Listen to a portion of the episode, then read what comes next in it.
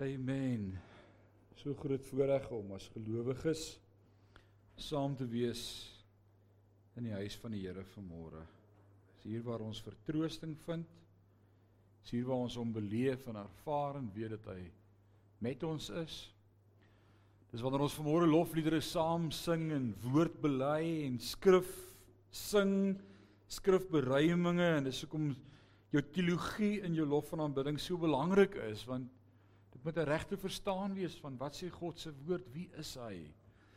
En dan weet ons vanmôre dat selfs deur die donker tye en selfs al voel dit vir ons asof die die vloed en die golwe ons oorweldig, draai ons en is hy met ons. Trieter, ons harte gaan uit na jou en jou familie en jou gesin. Hierdie diep water waardeur jy hierdie afgelope week is. Trieter het laas Sondagoggend 2 uur die slegte nuus ontvang dat sy seun skielik oorlede is en dit was Vrydag sy begrafnis en ons gebed is met jou en jou familie dat die Here jou sal dra in hierdie tyd en dat jy meer as ooit sal weet God is by my. God is by my. Dis al wat ons het in hierdie tyd. Dis al wat ons het in hierdie tyd.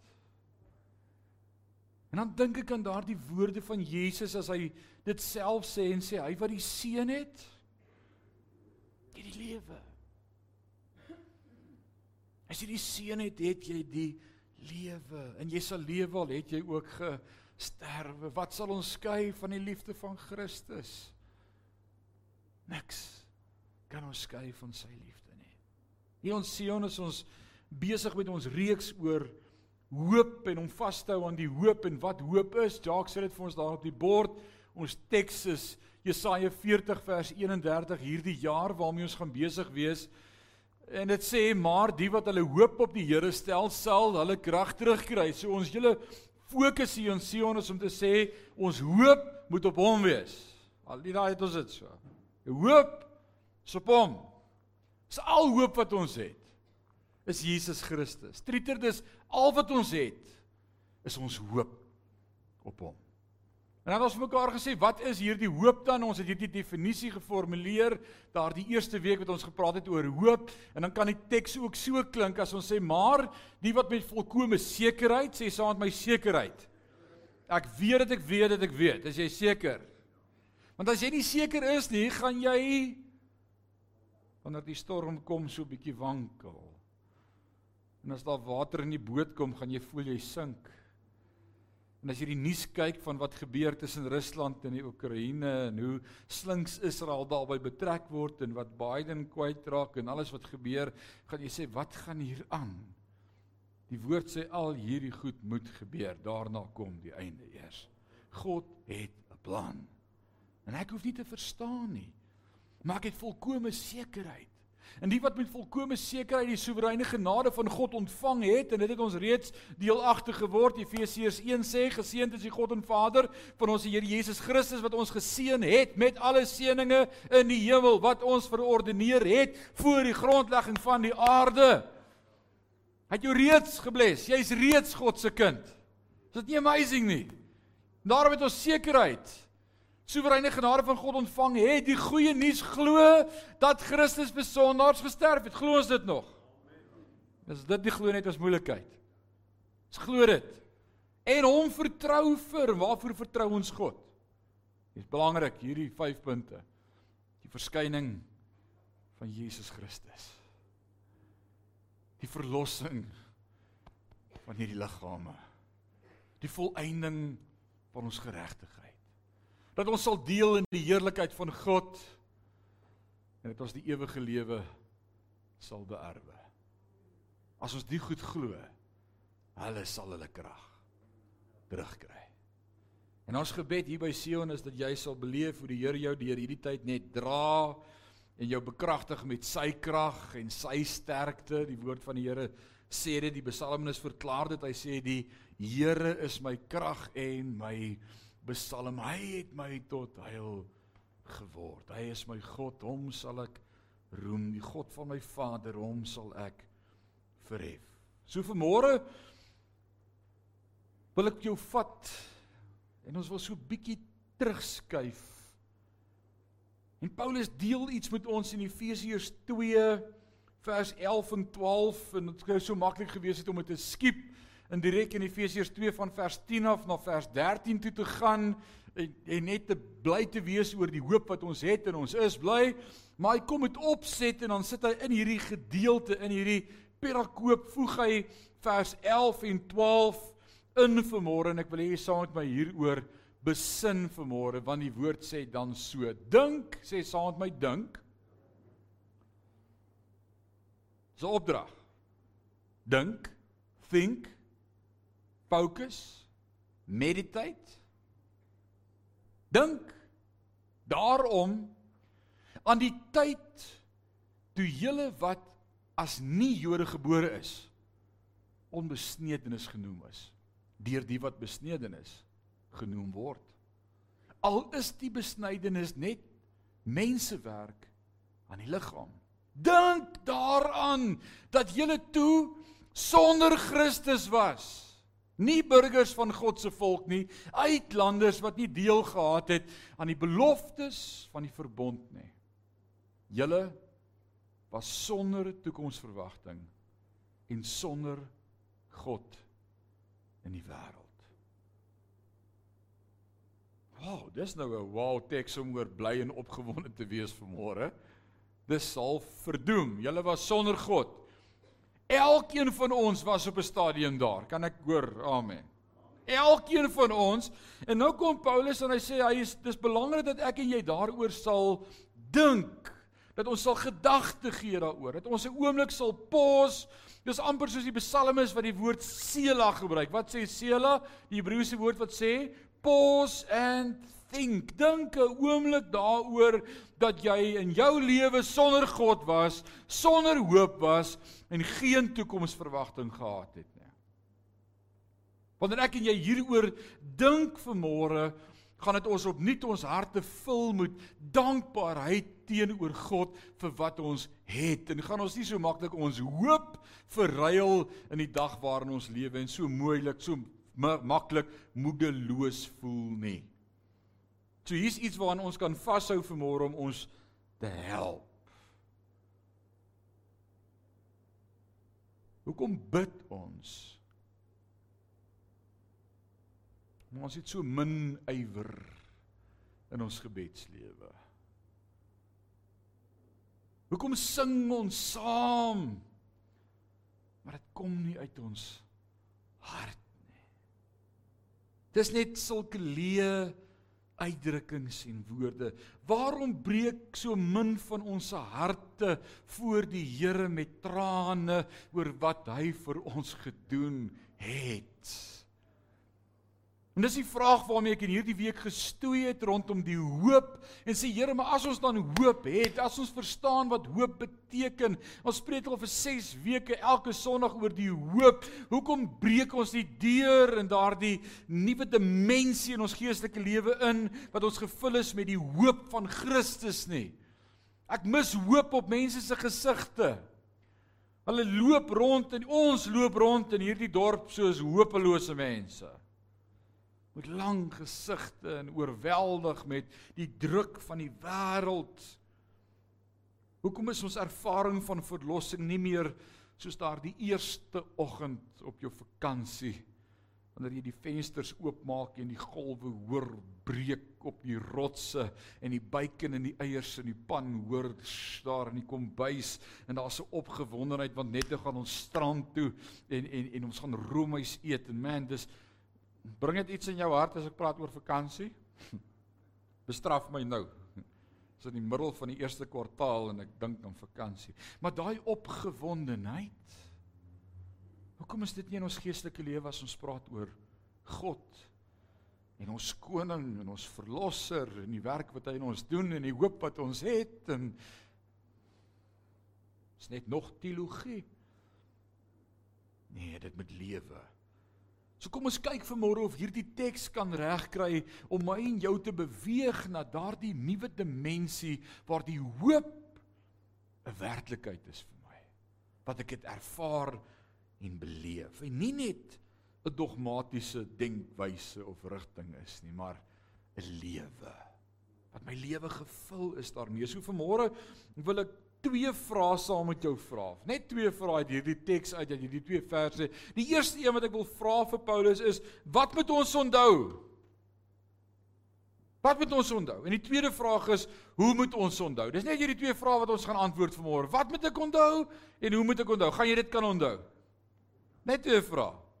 Wat moet ek onthou? Hoe gaan ek onthou? En in hierdie teks gee Paulus dank aan God dat hulle geloof werke produseer en hulle liefde arbeid produseer en hulle hoop volharding. So wat moet ons dan onthou? En in die eerste plek vers 12. Ek hoop jou Bybel is oop daarso. Paulus sê dink daaraan dat julle toe sonder Christus was. Nie burgers van God se volk nie.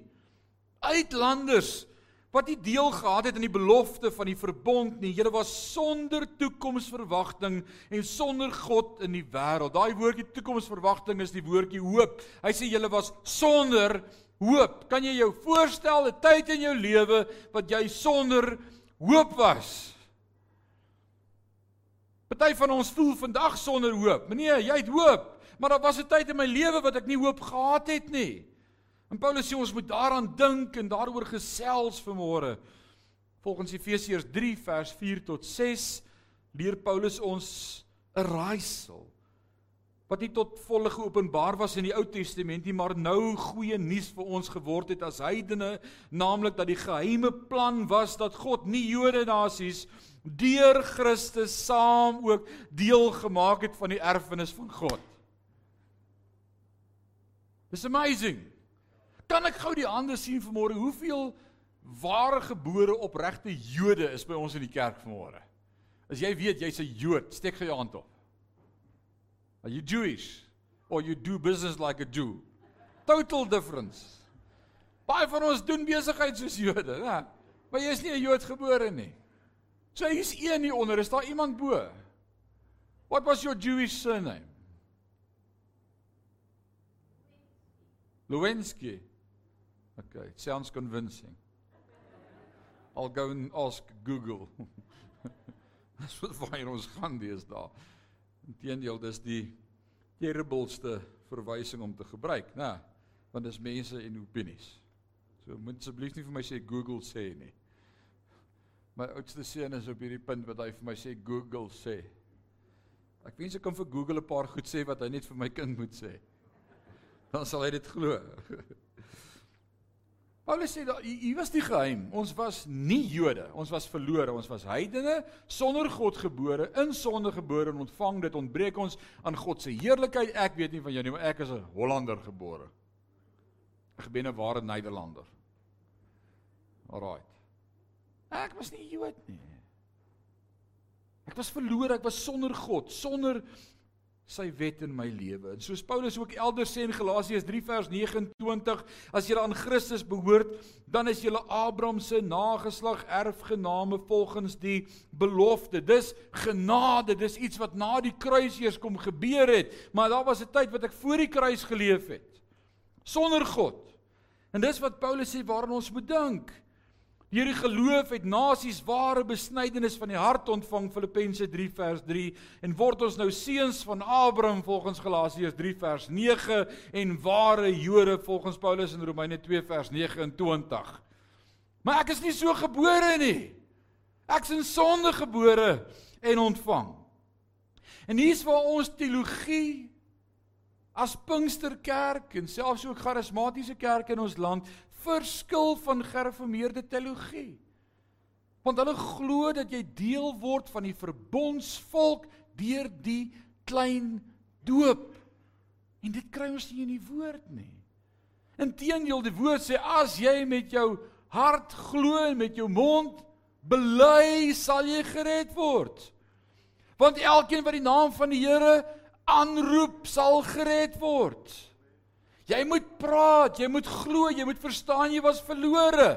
Jy moet eers weet jy was dood voordat jy dink jy het redding nodig. Dis waar ons so bietjie verskil. Daarom moet ons nooit roem asof ons heidense program waarvan ons ons deel geword het van die kerk van die Here Jesus Christus God se volk vervang het nie. Ek dink dit is belangrik dat ek dit sê want daar selfs kerkgroepe wat glo dat ons vandag die moderne Israel is. God is klaar met Israel. Ons is nou Israel. Ons noem dit vervangingsteologie. Dis gevaarlik.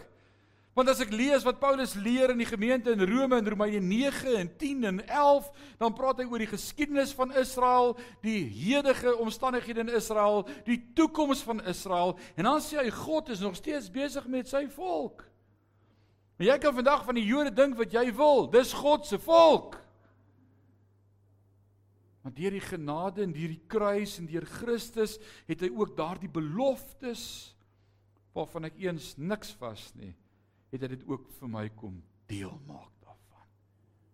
So met ander woorde Paulus sê jy moet terugdink aan die tyd voordat die beloftes ook joune was. En ons gaan vanmôre sien hoekom moet ons daaraan terugdink. Romeine 9 vers 24 sê ons is hierdie voorwerpe ons vir wie hy geroep het nie net uit die Jode nie, maar ook uit die nie-Joodse nasies. Efesiërs 2 sê hy het vrede gebring deur in homself die twee groepe tot een nuwe mensheid te omskep Met ander woorde Paulus sê ons moet onthou waarvan ons gered is. Dink daaraan dat jy sonder Christus was, sonder ewige lewe. So die eerste ding vanmôre wat belangrik is vir my en vir jou en ons vergeet dit soms, is om terug te dink aan waar ek vandaan kom, waar ek was in my sondige toestand sonder God.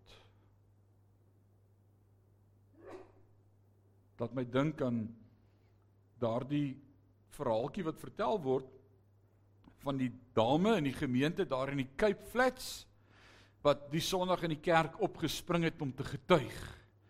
Ywerig. Die mikrofoon gevat en begin praat oor haar lewe en hoe sleg haar lewe was en hoe terrible mens sy was en hoe slegte vrou sy was en hoe sy rondgeslaap het. Sy sê broers, julle weet almal wat hier sit, ek het rondgeslaap. Sy sê pastoor vra maar die hele kerkraad, hulle weet almal. En dan gaan sy so aan en hoe dronk sy was en op 'n stadium van die pastoor die mikrofoon en sê vir haar: "Luister jy, getuig jy of breek jy?" En soms dink ons dit is wat dit beteken om te onthou hoe ons was toe ons dood was. Want ons wil breek oor die dinge wat ons aangevang het en ons ons is so vol van onsself en die eie ek en ooh jong ek kan jou 'n paar staaltjies vertel. Ek dink nie dis dit wat Paulus in gedagte het as hy sê dink aan hoe dit was voordat jy gered is nie. Ek dink sy hart is wanneer jy onthou hoe dood jy was sal jy weer gevul word met dankbaarheid teenoor God vir die hoop wat hy het genade uit vir jou gegee het. In my eie lewe was ek in hierdie week gekonfronteer om net so 'n bietjie terug te dink na die tyd in my lewe wat ek ook dood was. En dalk sê jy vanmôre vir my maar e-, ek is in die kerk gebore. Ek ek het in die kerk groot geword. Ek het onder die banke gelê en slaap terwyl die apostolies liedjies gesing het en hande geklap het. En vandat ek my verstand het, was ek in die kerk en ek het die Here gedien en ek het hom liefgehad van vroeg in my lewe af. En dis great. Maar nou gaan dit vir jou moeilik wees om te verstaan dat jy dood was. Sien ek word nie omdat ek in 'n kerk gebore is outomaties net 'n kind van die Here nie. Daar was iewers in jou lewe wat jy tot geloof gekom het en Jesus ook aanvaar het as jou verlosser en saligmaker om ook te glo dat dit wat om jou gebeur in jou gebeur, dat jy deel is van God se kinders. Maar almal het nie daardie getuienis vanmôre nie, is dit nie so nie? Sommige van ons het rowwe verdraaie gaan maak in die lewe. Sommige was in die weermag, kan niks verder sê nie. Jy is gekonfronteer met sonde. En dan was daar 'n sonde besef wat jy besef het as ek sonder God sterf is ek verlore. En dis die gedagte wat Paulus hier wil hê ons moet oordink, is oor daardie tyd wat ek en jy nog verlore was sonder God. Romeine 9:24 sê ons is hierdie voorwerp van eer vir God. So wat Paulus vir my en vir jou wil sê vanmôre is hy bedoel onthou dat God eens nie jou God was nie.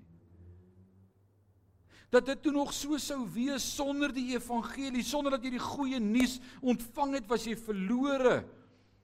As hy nie ons God was nie, beteken dit hy was nie vir ons nie, maar teen ons. Dis wat dit beteken. Want as God nie vir jou is nie, is hy teen jou. En as hy nie altyd vir my was nie, was daar tyd wat hy teen my was. Imagine dit. Dink daaroor sê Paulus, dink dat God op 'n stadium teen jou was. Party party van ons sal vanmôre sê ek kan dit nie. En dink nie. Ek dank God vir 'n dispensasie waar ons gebore is van genade en waar God te vinde is en en van grace en en dis net so awesome vrede tussen God en mens en is great.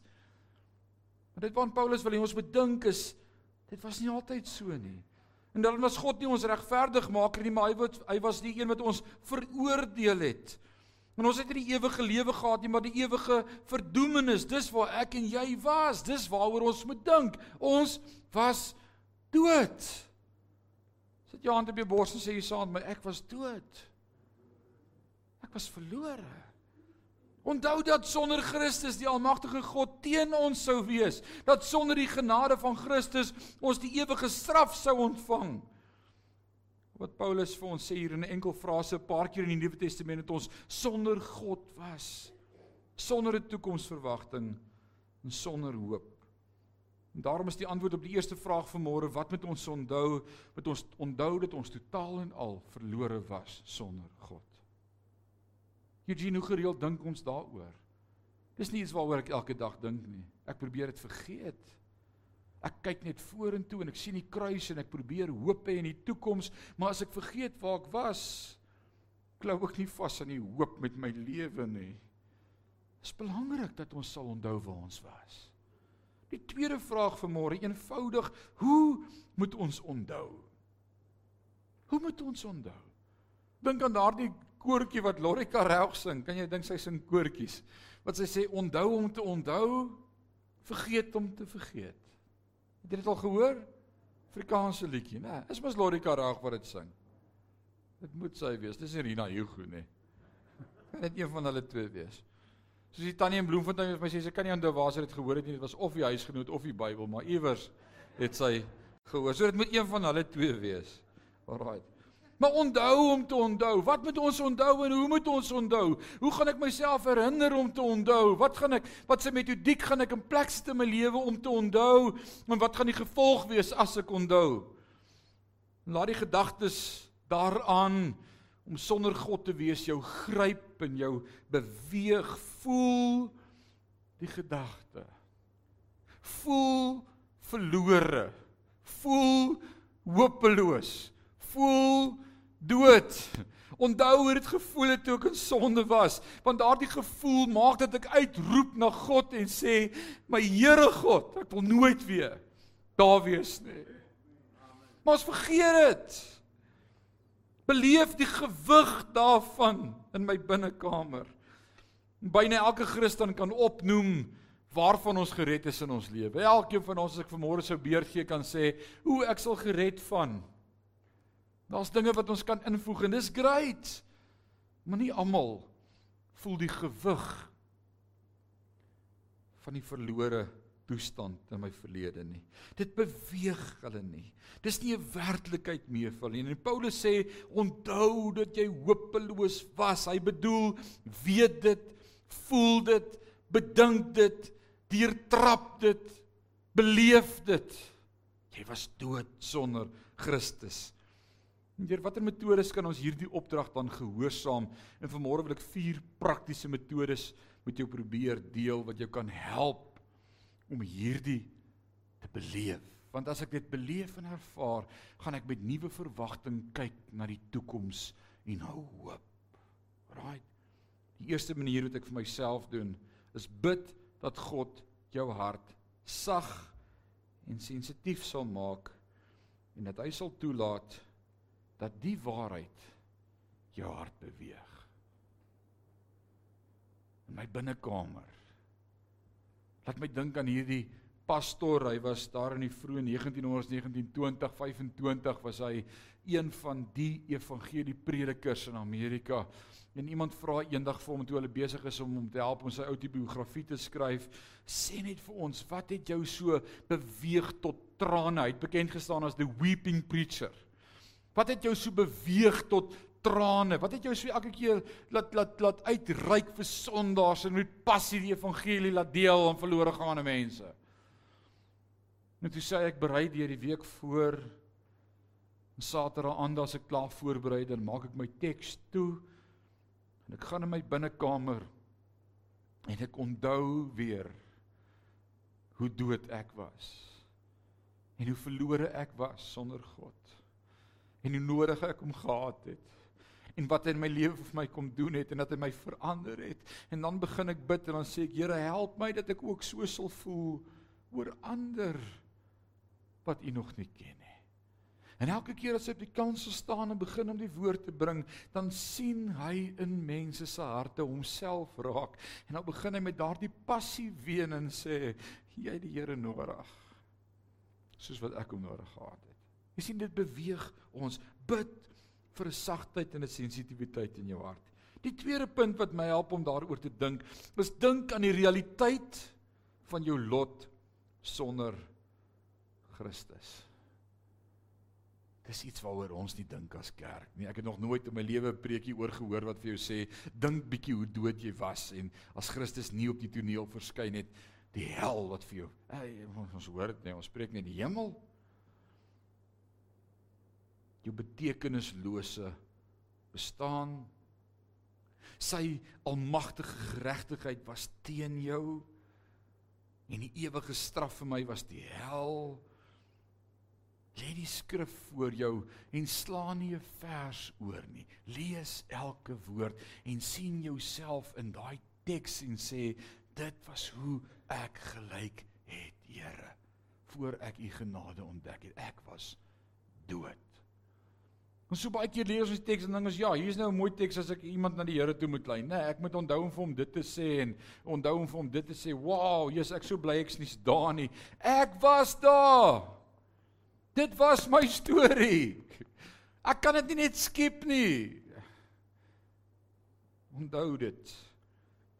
En dan derde plek as jy deur die lewe beweeg en die ellende van die wêreld om jou sien.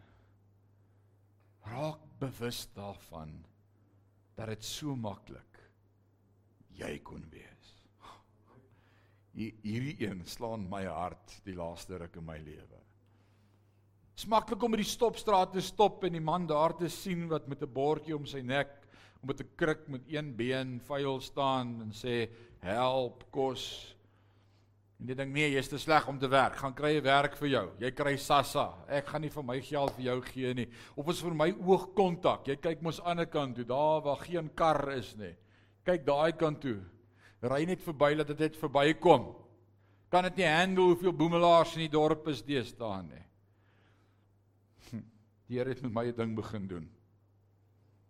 As ek inkom na die stopstraat toe, dan hoor ek die woord van die Here wat vir my vra. En hoekom is dit nie jy nie?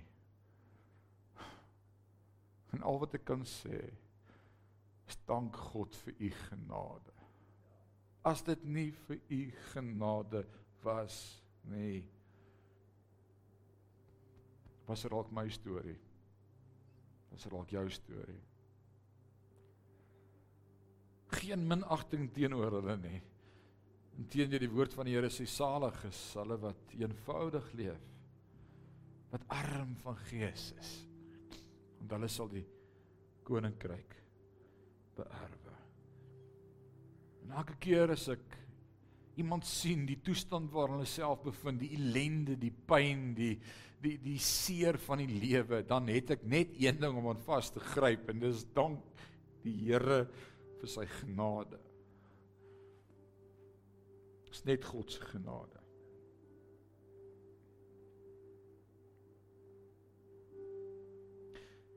Vierde punt, dis die laaste punt wat ek het om oor te praat. Wat my help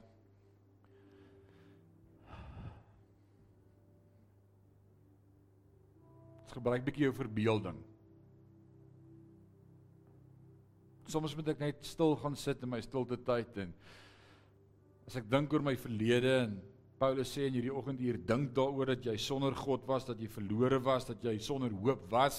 Dis eers wanneer ek besef ek was sonder hoop dat ek opnuut die hoop vasgryp. So, hoe moet ek myself skets? Ek was sonder hoop en dan dink ek aan tye in my lewe waar die dood aan my deur kom klop het van my lewe. Tye in my lewe wat die vyand probeer het om my lewe te steel toe ek ver van God was en as hy dit sou regkry ek vir altyd verlore sou wees in 'n permanente toestand geskei van die liefde van God in 'n ewige hel nooit die kans gekry het om God aan te neem en die koning van my hart en lewe te maak nie. Dink aan hoe dit voel om te sterf sonder God.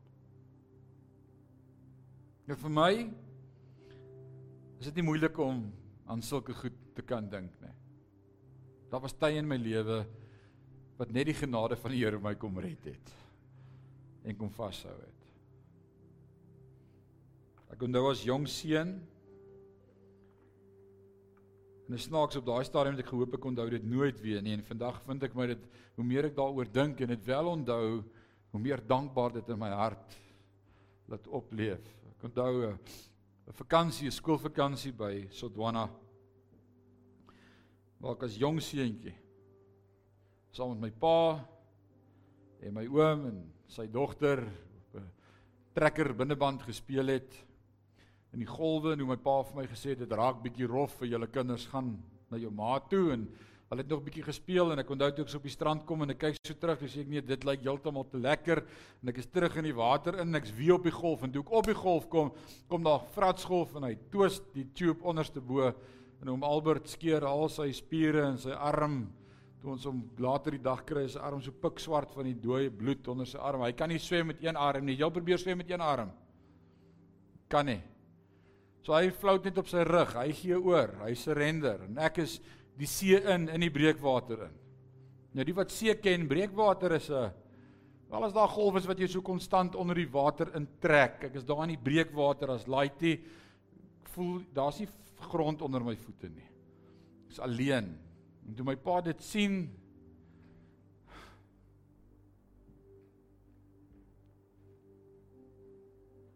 Ek dank die Here vir keuses. En ek dank die Here dat my pa nie daai oomblik gedink het oor die konsekwensies nie. Ek het die grootste pa maar wie was daai oomblik nie die slimste nie. En sonder om te dink het hy die water ingestorm agter my aan. In die volgende oomblik het ek as laait hierdie sterk arm om my gevoel wat my vashou en vir my sê ons gaan dit saam doen. En na uur in die breekwater het ons dink altoe besef Ek weet nie of ons hier gaan uitkom nie. Ek weet wat ek as seun aangedink het, ek weet nie wat my pa alles beleef het nie. Ek onthou ek het daai dag repent vir goed wat ek nog wou doen en dalk gedoen het en dalk nie gedoen het nie en dalk gesê het ek het alles repent en toe klaar en dit werk nie toe begin ek beloftes maak want dis mos wat ons doen as ons in moeilike omstandighede is ons maak beloftes. En daai dag het ek vir die Here beloof as hy my roep vir die bediening sal ek ja sê ek sal net twee keer dink nie en hy het my geroep En ek het nie 'n keuse as om ja te gesê het nie want ek skuld om my lewe. Ek skuld om my lewe. As ek daai dag sou sterf was ek sonder hom. Ek ek dink terug aan aan sulke gebeurtenisse in my lewe. Stel jou voor wie wie van julle hou van bergklim en klif cliffhanger? Wie hou wie, wie hou van wie doen dit? Laat ek 'n bietjie die hande sien. Sien niemand wat bergklim hier by ons. Daar agter is. Wie's op die galery? Niemand nie. Hy was wat so in die kloof opklim en dan hy na een hand net so in 'n skeertjie en daai het nie tou nie en dan swaai hy so rond en dan vang hy sy volgende hand. Liewe genade, ek sweet net om te kyk daarna. Ek het gelukkig glad nie die konstitusie om dit te kan doen nie. Ek skeur die rots in twee, maar maar ons klim daar op. Ongelooflik. En dan stel ek my voor self voor soos Cliffhanger. Onthou julle die die fliek Cliffhanger waar daai ou daar hang en en en dit lyk asof daai ou rotsie waarop hy getrap het breek af en hy hang net aan een arm en jy's jy weet Jy's dood. En die volgende oomblik val hierdie tou van bo af van iemand af wat daar bo is en jy kan daai tou gryp met al twee jou hande en ek dink jy soen daai tou want dit is soos ek was dood. Maar ek en jy was dood. Soos verlore sonder God. Jy sien net om daaroor te praat bring trane in my oë en dit bring 'n dankbaarheid in my hart en dis die gedagte wat Paulus kommunikeer as hy sê wanneer jy regtig dink aan hoe jy was sonder geloof en sonder hoop en sonder God en jy kyk weer vorentoe gryp jy hom vas met al twee jou hande en jy sê ek het hoop. Oh, ek het hoop, ek het hoop. Ek ek was dood. Maar ek het hoop. Het jy hoop? Het jy hoop? Oh, ons het hoop. Dink aan daardie ou koortjie daardie aand wat ek in Botawil vir pastoor Paul Masebugu 3 dienste moes gaan nou het. Hy hy nooi my in Botawil te kom preek by sy swart gemeente in die township en ek kry nie een van my blanke vriende wat wil saamry nie. Almal sê jy mos baie besig. En ek's daar in die township in en ek verdwaal half en ek kom uiteindelik by sy kerk uit en ons hou kerk en in daardie aand preek ek oor hierdie gedagte is om te onthou wat God vir jou gedoen het sodat wanneer jy terugkyk en jy onthou dat God sal dit weer doen. Hy sal dit weer doen. What is done for others he will do for you, né? Nee. En daai aandjie quote ek nogal hierdie hierdie song van Lorika Rag en ek sê uh vergeet om te vergeet, onthou om te onthou. Ja, en hulle het nie 'n klou waarvan ek praat nie, maar toe ek na die tyd van hulle begin bid en bedien want toe maak hulle so ry agter die deur uit aan 'n deur in ek moet vir almal bid. Toe ek begin bedien, toe toe sit iemand 'n koortjie in wat ek regtig as kind geken het maar jare laas gesing het. En ek onthou daai stem in my ore wat sê when i remember what the lord has done i will never go back anymore. Ek onthou hoe dit my in die hart gegryp het. En dis wat hierdie teks met my kom doen hierdie week. Paulus sê as jy onthou waar jy was voor God jou gegryp het, sal jy nooit weer wil teruggaan nie. En ek kan vanmôre net sê amen.